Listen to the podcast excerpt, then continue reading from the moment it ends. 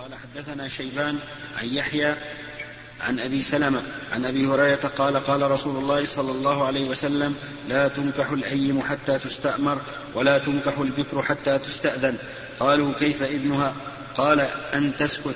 وقال بعض الناس إن احتال إنسان بشاهد يزور على تزويج امرأة ثيب بأمرها فاثبتت فأثبت القاضي نكاحها إياه.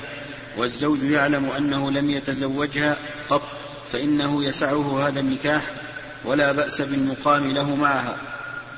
هذا كالأول نعم. حدثنا أبو عاصم عن ابن جريج عن ابن أبي مليكة عن ذكوان عن عائشة رضي الله عنها أنها قالت قال رسول الله صلى الله عليه وسلم البكر تستأذن. قلت إن البكر تستحي. قال إذنها صماتها. وقال بعض الناس إن هوى رجل جارية يتيمة أو بكرا فأبت فاحتال فجاء بشاهد يزور على أنه تزوجها فأدركت فرضيت اليتيمة فقبل القاضي بشهادة الزور والزوج يعلم ببطلان ذلك حل له الوقت. كل هذه ألباب واحد كلها لا يجوز. نعم؟ إي نعم لكن متى تكون يتيمه قبل البلوغ. ورضاها قبل البلوغ غير معتبر إلا إذا كان من, من, من الأب. وهنا لا يمكن أن يكون من الأب لأنه يتيم. يعني أن الأولياء غير, غير الأب لا يزوجون إلا إذا بلغت. نعم. عشرين يصححون كل هذا هذه الأقوال ويردون على البخاري رحمه الله. سبحان الله. يقول هذا رجل إمام في الفقه وهذا رجل محدث. كيف يرد؟ آه، محدث على فقيه. لكن إذا إذا صار فقيه حيانا مكة. من يرد عليه؟ يرد عليه دعنا من يعني نتنازل ونقول البخاري ما يعرف إلا النقل فقط. رب مبلغ أو عن مسام لكن هذا حين واضح. رجل يعلم إن المرأة هذه ما وإن الشهود شهود زور ما الذي شيخ يستدلون أيضا حتى الآن في بعض الأمصار يستدلون بحديث بيع التمرة بيع بيع جمع الدراهم جمع الدراهم طيب. يقول هذه ويرد على ابن القيم وعلى لا بأس هذه حين مباح إحنا نقول به رجل عنده تمر ردي وهو يريد تمرا جيدا. لا يمكن أن يأخذ صاع من إذا ماذا يعمل؟ يبقى ما يأكل إلا التمر الردي وهو راح يبقى ما يأكل إلا التمر الردي نقول بيع التمر الرديء بالدراهم واشتري بالدراهم. تمرا طيبا ما في شيء. لا ربا ولا غير. نعم لو اتفق مع البائع قال أريد أن أبيع عليك التمر الردي بعشرة على شرط أن تبيعني التمر الطيب بعشرة ولكنه أقل. هذا لا يجوز. أما بغير بغير فلا بأس. ومع ذلك نقول الأفضل قال الإمام أحمد أن لا يشتري من الذي باع عليه. يعني إذا بعت التمر الردي على واحد وعنده تمر طيب فالأحسن ما أن لا أشتري منه. أذهب إلى السوق. لآخذ التمر الطيب. إذا لم أجد رجعت إليه. وهذا لا شك أحسن. باب ما يكره من احتيال المرأة مع الزوج والضرائر الآن مثلا الحيلة التي فعلها اليهود لما حرمت عليهم الشحوم هل أكلوها؟ نعم. ما أكلوها. أذابوها. لم يبيعوها وهي على أنها شحم. أذابوها ثم باعوها وأكلوا ثمنها. هذه حيلة. لكن هذه الحيلة أبعد من حيلة بعض الناس على الربا وأبعد من حيلة هذا المزور الذي يأتي بشهادة الزور وهو يأتي بشهادة الزور والقاضي يحكم بحسب العلم. ما سمع نعم. باب. نعم. فيه دعوة منه. ما صحيح ما أدرك. هي ما أدرك اليتيمة باب ما يكره من احتيال المرأة مع الزوج والضرائر وما نزل على النبي صلى الله عليه وسلم في ذلك. حدثنا عبيد بن إسماعيل. قال حدثنا أبو أسامة أبو أسامة شيخ. نعم. قال حدثنا أبو أسامة عن هشام عن أبيه عن عائشة قالت كان رسول الله صلى الله عليه وسلم يحب الحلواء ويحب العسل وكان إذا صلى العصر أجاز على نسائه فيدن على فدخل على حفصة فاحتبس عندها أكثر مما كان يحتبس. فسألت عن ذلك فقيل لي أتعطيها عكة عسل؟ فسقت رسول الله صلى الله عليه وسلم منه شربا. فقلت أما والله لنحتالن له. فذكرت ذلك لسودة إذا دخل عليك فإنه سيدنو منك فقولي له يا رسول الله أكلت مغافير؟ فإنه سيقول لا. فقولي له ما هذه الريح؟ وكان رسول الله صلى الله عليه وسلم يشتد عليه أن يوجد منه الريح فإنه سيقول سقتني حفصة شربة عسل. فقولي له جرست نحله. جرست نحله العرفط. وسأقول ذلك وقولي أنت يا صفية فلما دخل على سودة قلت تقول سودة والذي لا إله إلا هو لقد كدت أن أبادئه بالذي قلت لي وإنه لعلى الباب فرقا منك. فلما دنا رسول الله صلى الله عليه وسلم قلت له يا رسول الله أكلت مغافير؟ قال لا. قلت فما هذه الريح؟ قال سقتني حفصة شربة عسل. قلت جرست نحله العرفط فلما دخل علي قلت له مثل ذلك ودخل على صفية فقالت له مثل ذلك فلما دخل على حفصة قالت له يا رسول الله ألا أسقيك منه قال لا حاجة لي به. قالت تقول سودة سبحان الله لقد حرمناه قالت قلت لها اسكتي. المشكلة. يعني هؤلاء خير النساء لا شك. زوجات النبي عليه الصلاة والسلام وتحين أهل حيلة ليش؟ إنه يبقى عند حفصة أكثر من غيره. نعم.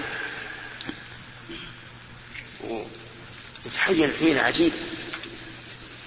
المغافير نبت له رائحة كريهة. فلما دنا منها قال أكلت المغافير والرسول يكره أن يأكل ما فيه الريح الكريهة حتى كان يكره أكل البصل وشبه إني أناجي من لا تناجي. لما جيء إليه بقدر فيه بقول وأدني إليه قال لبعض أصحابه كل. قال كيف آكل يا رسول الله وأنت لم تأكل؟ قال كل فإني أناجي من لا تناجي.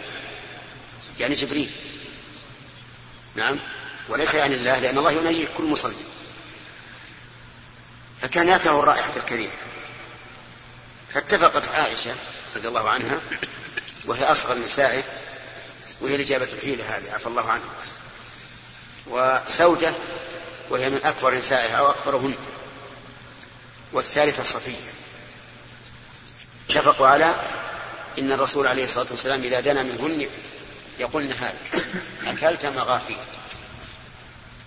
يعني هذا النبت الذي ليس التي رائحته رائحته كريمة فقال إنما شربت عسلا عند حفصة. قالوا إذا جرست نحله العرفط يعني أكلت العرفط العرفط أيضا نبت له رائحة كريمة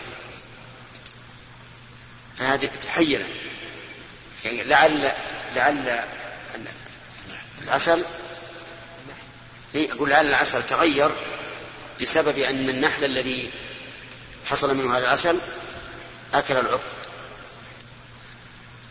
فلما عاد النبي عليه الصلاة والسلام إلى حفصة وقربت منه العسل قال لا أريد. لا أريده بناء على إيه؟ على كلام ثلاث نساء ثلاث نساء من النساء. كلهم وقلنا هذا. يقول فتقول سودة سبحان الله لقد حرمناه. حرمناه من هذا العسل وهو يحب العسل عليه الصلاة والسلام. فتقول لها عائشة يعني لا لا تفضحينا اللهم ارضى عنك.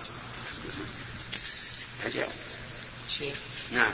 الله إليكم في حديث آخر في لفظ آخر أن الذي تأمرت عليه حفصة وعائشة. نعم. ماذا يقول ابن حجر؟ قوله باب ما من احتيال المرأة مع الزوج والضرائر وما نزل عن النبي صلى الله عليه وسلم في ذلك.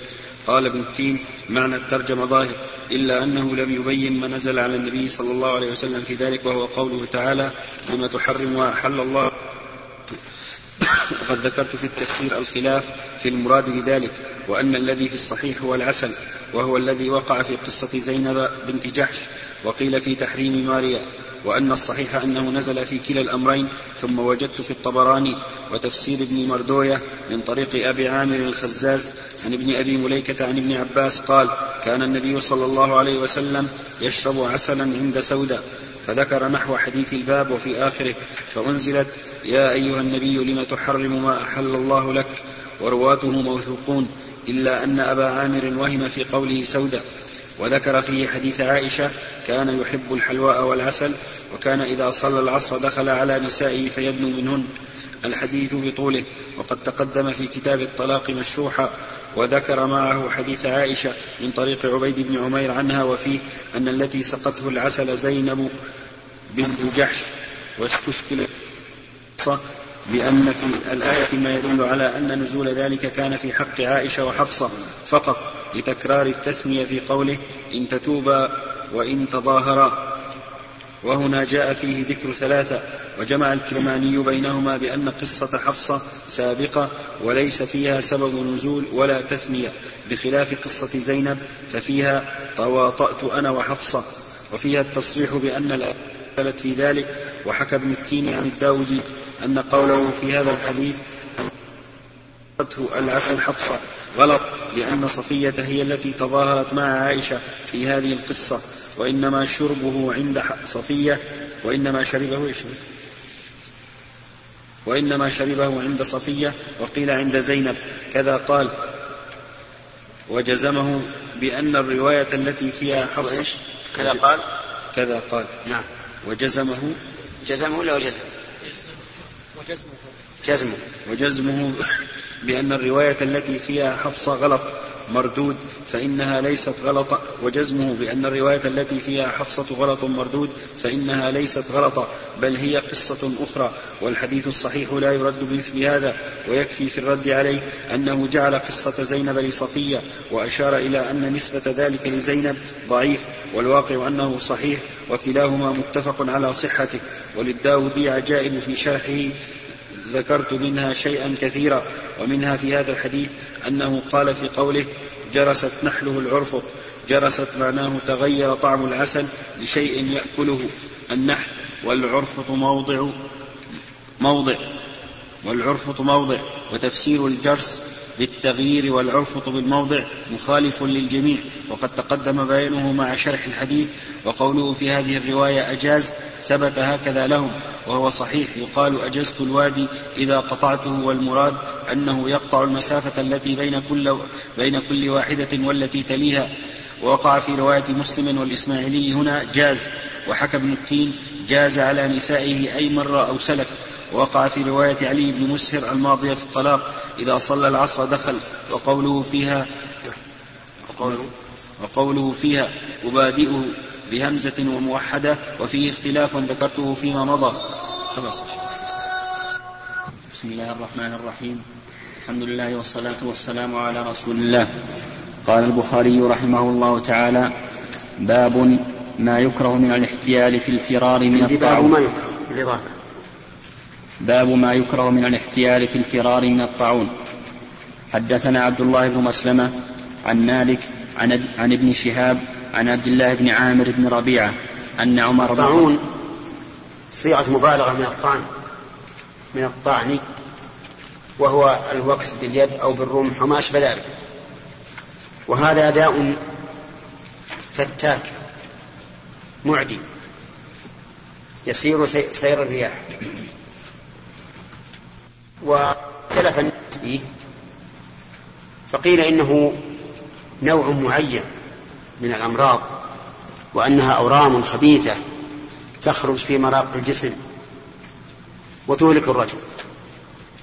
ومنهم من قال هي أوجاع في البطن يصحبه إسهال وانخفاض وارتفاع في الحرارة حتى يهلك الرجل.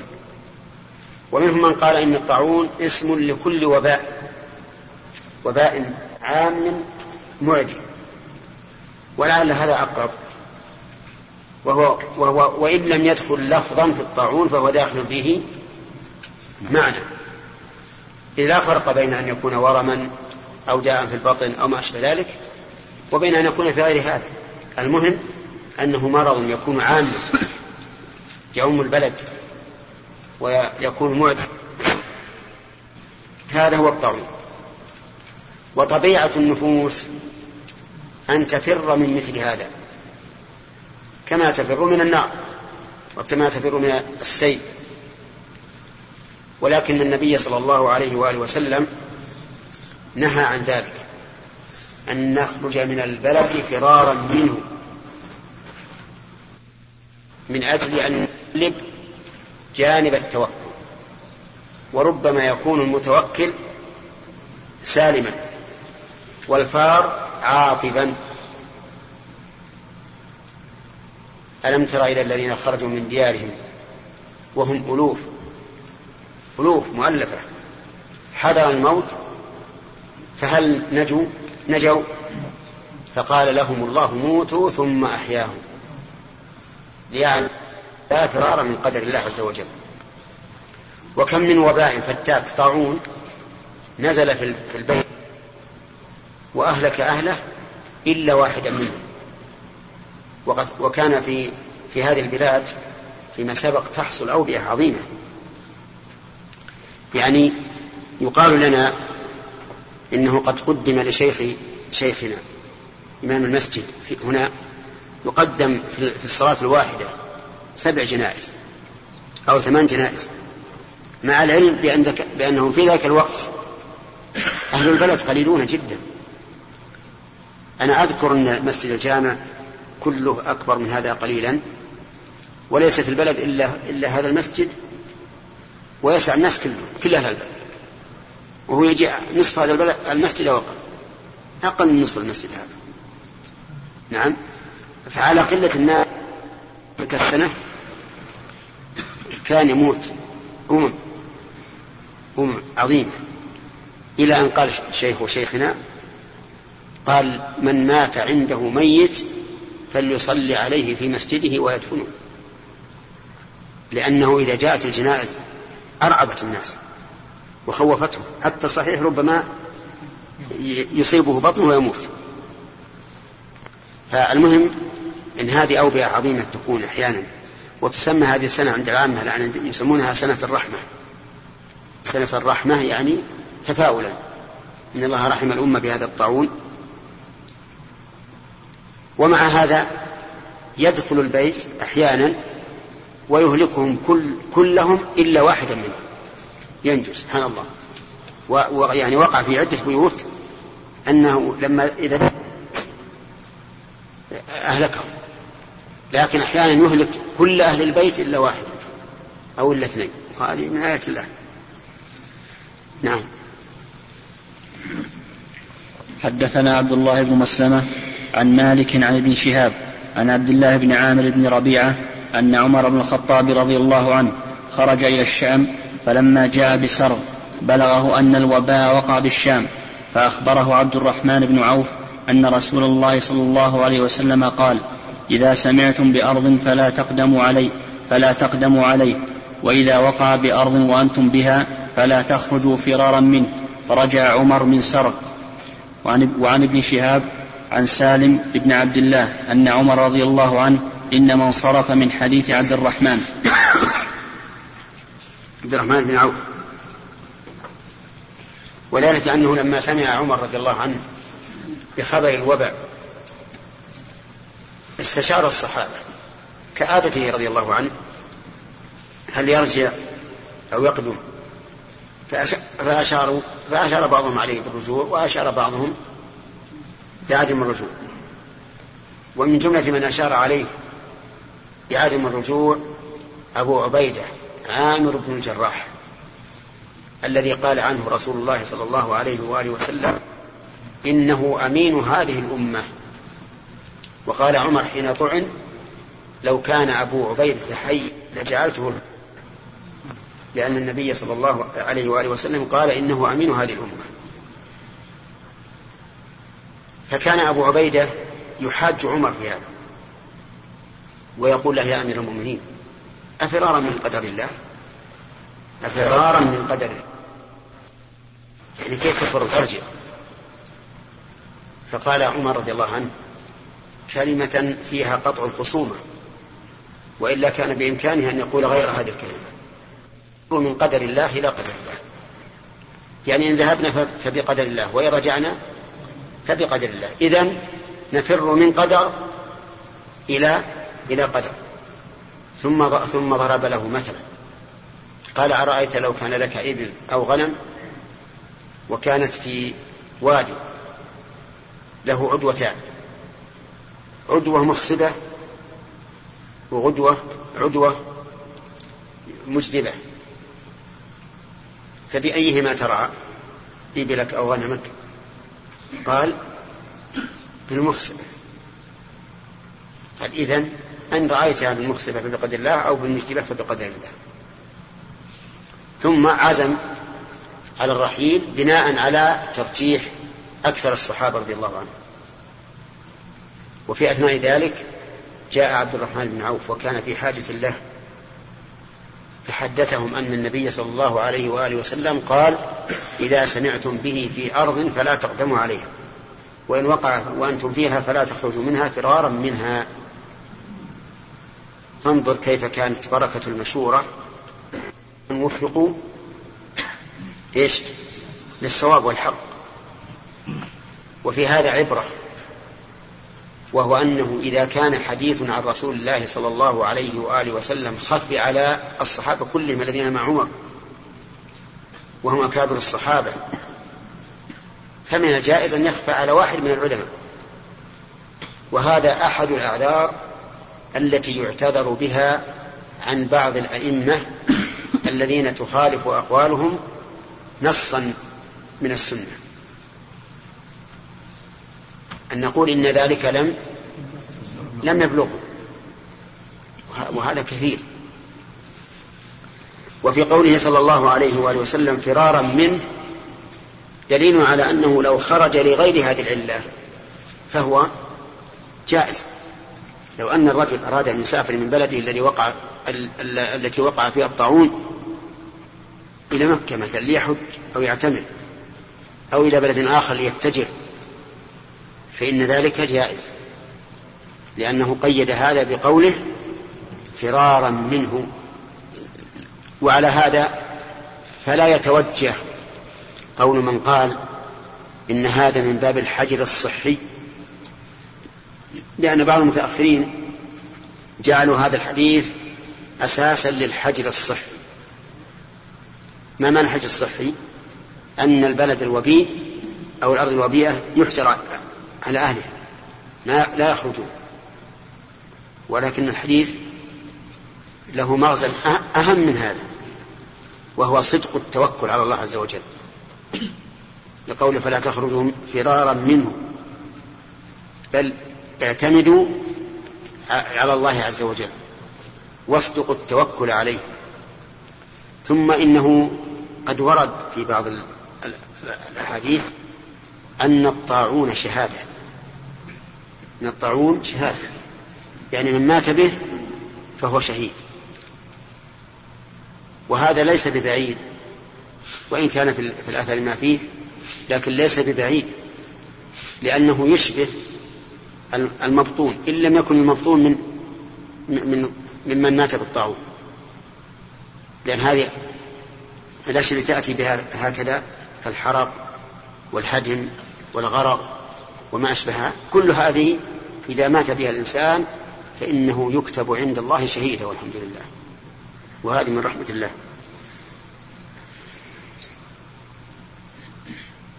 فإن تحير كيف يتحير على الفرار من من أرض الطاعون؟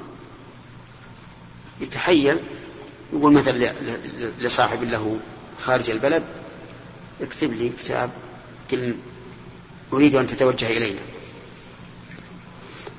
هذه حيلة ولا لا؟ حيلة لأن ما له غرض لكنه تحيل لأجل أن يخرج.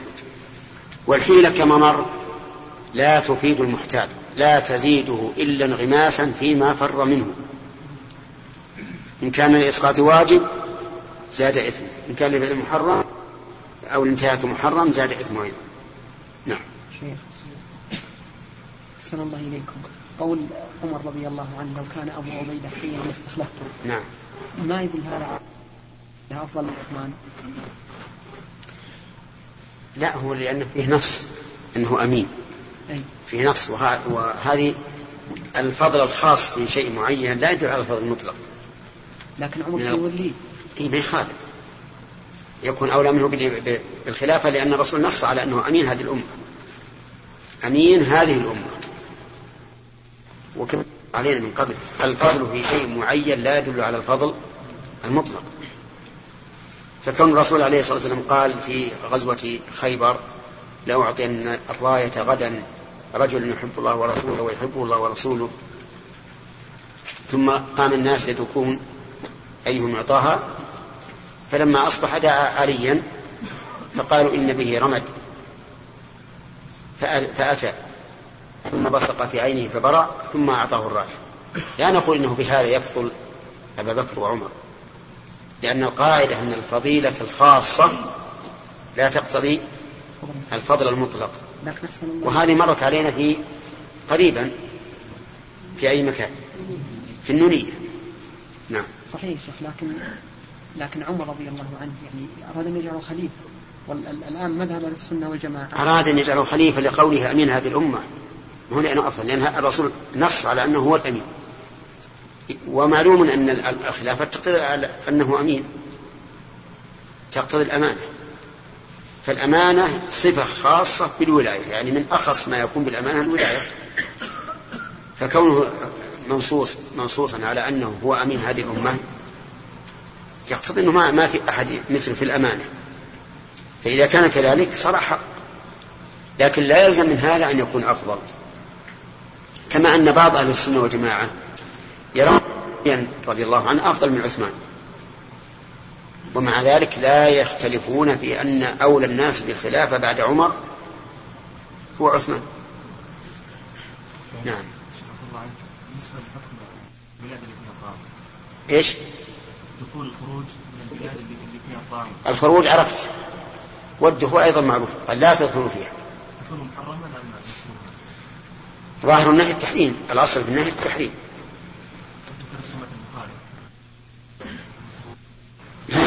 نقول البخاري وغيره من العلماء الأقدمين إذا عبروا بالكراهة فإنهم يريدون بها التحريم. نعم. فورد عن النبي صلى الله عليه وسلم قول فر من من المجدون فرارة من الأسد. نعم. وظاهر التعارض مع هذا الحديث. لا. لأن هذا أخص من من العموم. المجنون معك يخالطك وهذا واقع في البلد عموما. ليس ليس كهذا. ثم إنه قد يكون الجذام أشد عدوى من الطاعون. فأمر الرسول عليه الصلاة والسلام بالفرار منه. نعم. حدثنا أبو اليمان قال حدثنا شعيب عن الزهري قال حدثنا عامر بن سعد بن أبي وقاص رضي الله عنه أنه سمع أسامة بن زيد رضي الله عنه يحدث سعدا أن رسول الله صلى الله عليه وسلم ذكر الوجع فقال رجز أو عذاب عذب به بعض الأمم ثم بقي منه بقية فيذهب المرة ويأتي الأخرى فمن سمع بأرض فلا يقدمن عليه ومن كان بأرض وقع بها فلا يخرج فرارا منه ذلك الأول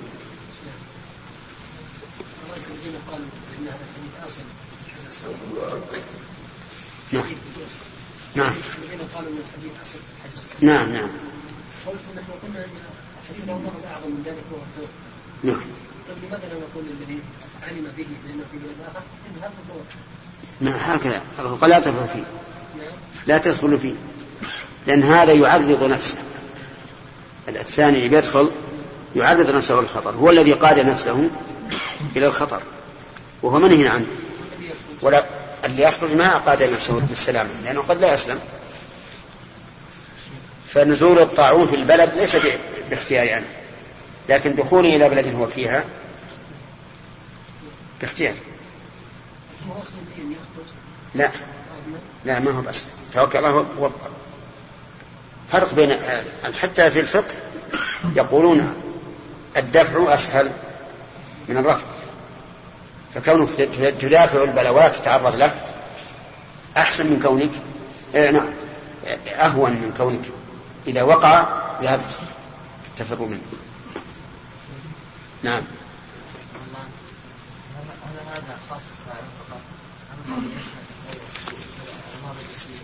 كبعض إيش؟ الامراض الجنسيه الامراض المعديه إيه. الظاهر إن العلة واحدة. يعني لو انتشرت هذه في بلد فحكمها حكم الطاعون نعم عبد الرحمن. فرارا منه لو خرج لا فرارا منه. هل يبحر ذلك أو نقول لأنه قد يكون سبب للعدوى لا يخرج. لا نقول يخرج لا بأس. ما دام سليما أما لو كان مريضا فقد يقال إن إنه من ناحيه من ناحية الولاية أن ولي الأمر له أن يأمره بالبقاء لئلا ينتشر الوباء من جهته. مع أن الوباء نسأل الله لنا ولكم السلامة قد ينتشر عن طريق المصاب وقد ينتشر عن طريق الهواء. الرياح تحمل الأوبئة. أنت ثلاثة. باب في الهبة والشفعة. وقال بعض الناس إن وهب هبة ألف درهم أو أكثر حتى مكث عنده سنين واحتال في ذلك ثم رجع الواهب فيها فلا زكاة على واحد منهما فخالف الرسول صلى الله عليه وسلم في الهبة وأسقط الزكاة.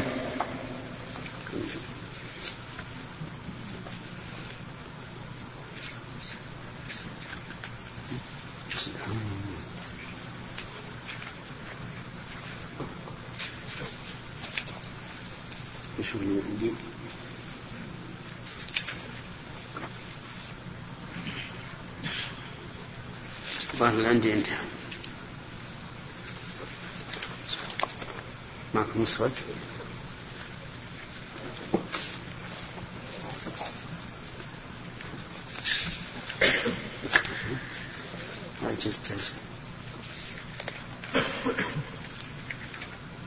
طيب خلينا نشوف الجزء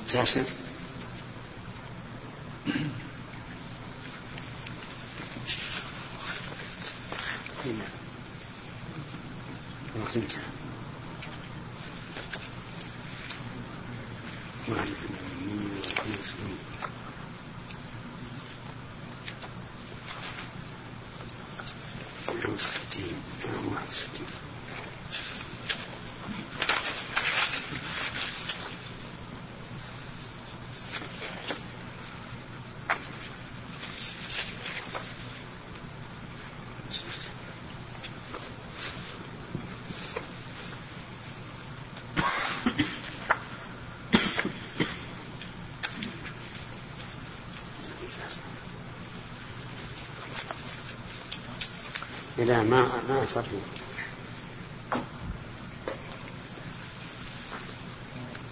طيب. نعم. باب في الهبة والشفعة. وقال بعض الناس إن وهب هبة ألف درهم أو أكثر حتى مكث عنده سنين واحتال في ذلك ثم رجع الواهب فيها فلا زكاة على واحد منهما. فخالف الرسول صلى الله عليه وسلم في الهبة وأسقط الزكاة. نعم. خالف الرسول صلى الله عليه وآله وسلم في الهبة لأنه رجع فيها بعد قبضها. وقد قال النبي صلى الله عليه وآله وسلم العائد في هبتي كالكلب يقيء ثم يعود في قيئه. وخالف أيضا في إسقاط الزكاة. لأن هذه المدة إما أن تكون في ملك الموهوب له وإما في ملك الواهب. ولا بد فيها من زكاة. لكن كأنهم يقولون إنه لما رجع فيها ارتفع حكم الملك في الموهوب له فلا زكاة على الموهوب له. ولما كانت خرجت من يد الواهب لم يكن عليه زكاة لأنها خرجت عن ملكه.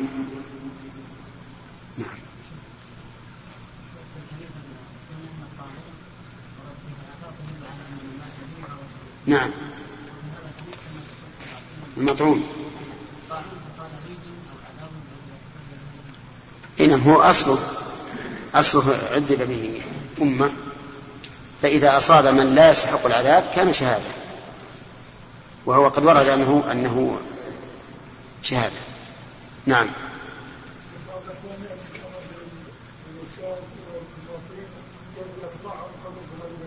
إيش؟ اي الامر نعم. لا لا ليس هذا من باب الأخذ بالأسباب. نعم. نعم. لا بعد مضي السنين.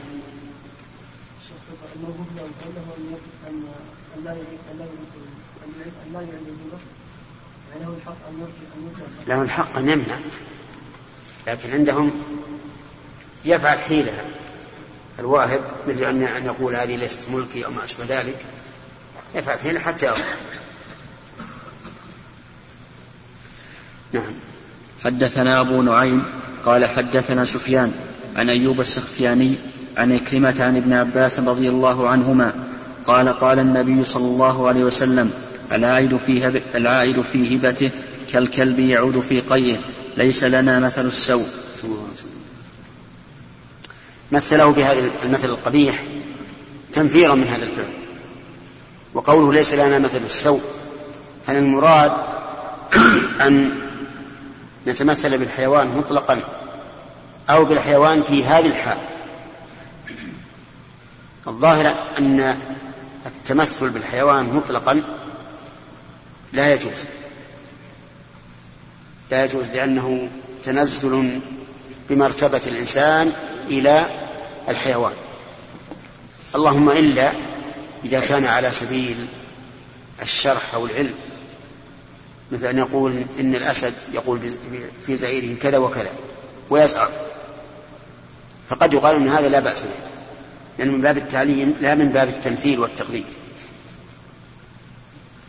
وقوله يقيه ثم يعود في قيئه هذه من طبيعة الكلب إذا قاء ثم جاء رجع وأكل قيئه.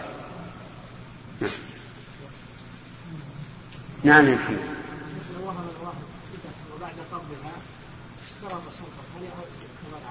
اشترط.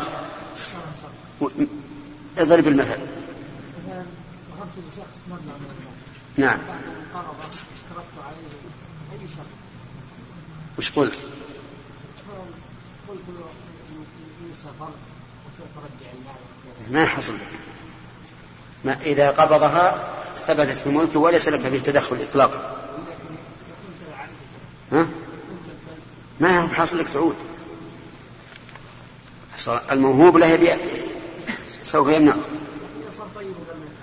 نعم. آه. إذا كان طيب وقال ما يخالف وعد فقد دخل العائد في هذا الحديث. نعم. نعم. والغالب إنه إذا قال بعض الناس فهو يعني الحنفية. لأنه دائما معهم في صراع غفر الله للجميع. نعم.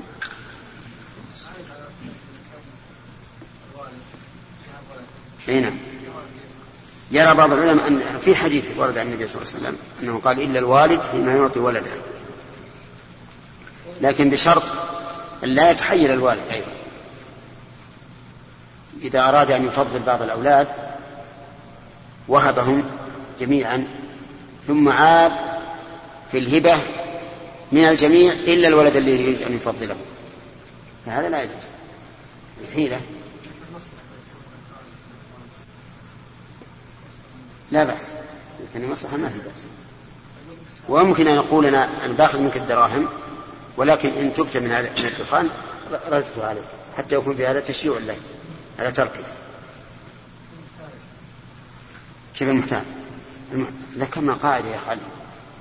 ما حاجة نكررها. كل من احتال على محرم فإنه لا ينقلب الحرام حلالا بحيلته. وكل من تحيل على ترك واجب فإنه لا يسقط الواجب بحيلته. خلنا مع قاعدة. نعم. حدثنا عبد الله بن محمد قال حدثنا هشام بن يوسف قال أخبرنا معمر عن الزهري عن أبي سلمة عن جابر بن عبد الله رضي الله عنه قال إنما جعل النبي صلى الله عليه وسلم الشفعة في كل ما لم يقسم فإذا وقعت الحدود وصرفت الطرق فلا شفعة. نعم. انتبهوا ما هي الشفعة؟ الشفعة أن ينتزع الشريك نصيب شريكه الذي باعه. أن ينتزع الشريك نصيب شريكه الذي باعه. مثال هذا بيني وبينك أرض. فبعت نصيبي من هذا الأرض من هذه الأرض. فلي شريك فلك أنت أيها الشريك أن يرحمك الله أن تأخذها من المشتري. بالثمن الذي استقر عليه العقد قهرا عليه. قهرا عليه. لأن النبي صلى الله عليه وآله وسلم قضى بذلك. والحكمة من تمكين الشريك من الشفعة إزالة الضرر بالشريك الجديد. لأن لأن هذا الشريك الجديد ربما يكون سيء العشرة والمعاملة. فيشق على الأول أن يسير معه. فلهذا قضى النبي صلى الله عليه وآله وسلم بالشفعة في كل ما لم يقسم.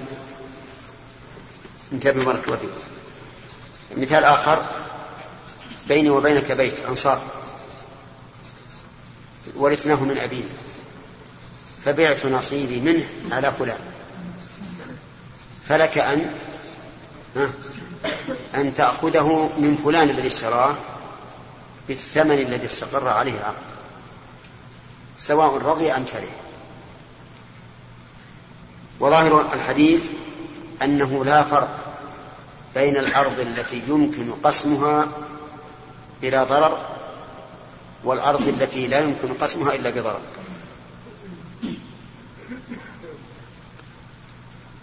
واضح؟ نمشي؟ طيب. ها؟ مثال مثال الأرض التي يمكن قسمها بلا ضرر. أن يكون بيني وبين شخص أرض واسعة كبيرة. هذه يمكن أن أقسم نصيبي ويقسم يمكن أن نقسمها فآخذ نصيبي ويأخذ نصيبه بلا ضرر. وأما الذي فيه ضرر فمثل أن يكون بيني وبين شخص أرض قليلة صغيرة.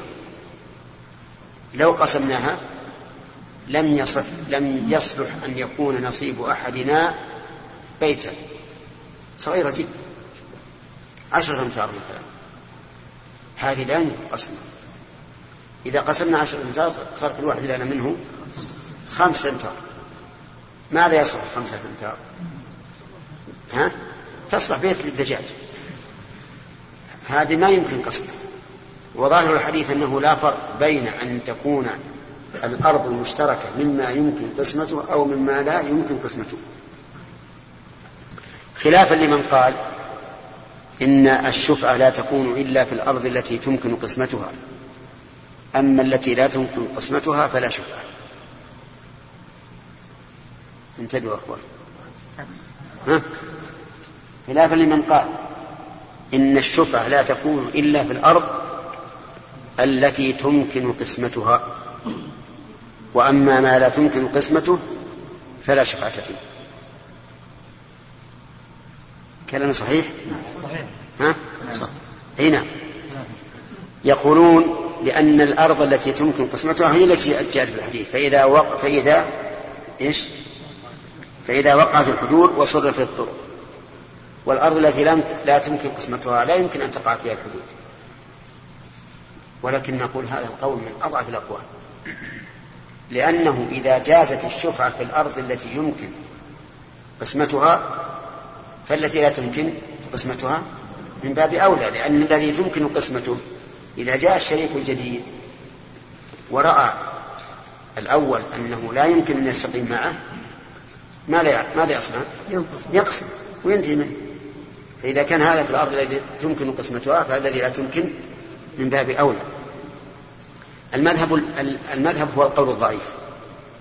أنه إنما يجب إنما يكون في أرض تمكن قسمتها. وهذا من من غرائب العلم. أحيانا يأتي سبحان الله من غرائب العلم أشياء تتعجب. لها نظير من بعض الوجوه. قالوا لو أن رجلا ذبح ذبيحة ونسي أن يسمي. فالذبيحة حلال.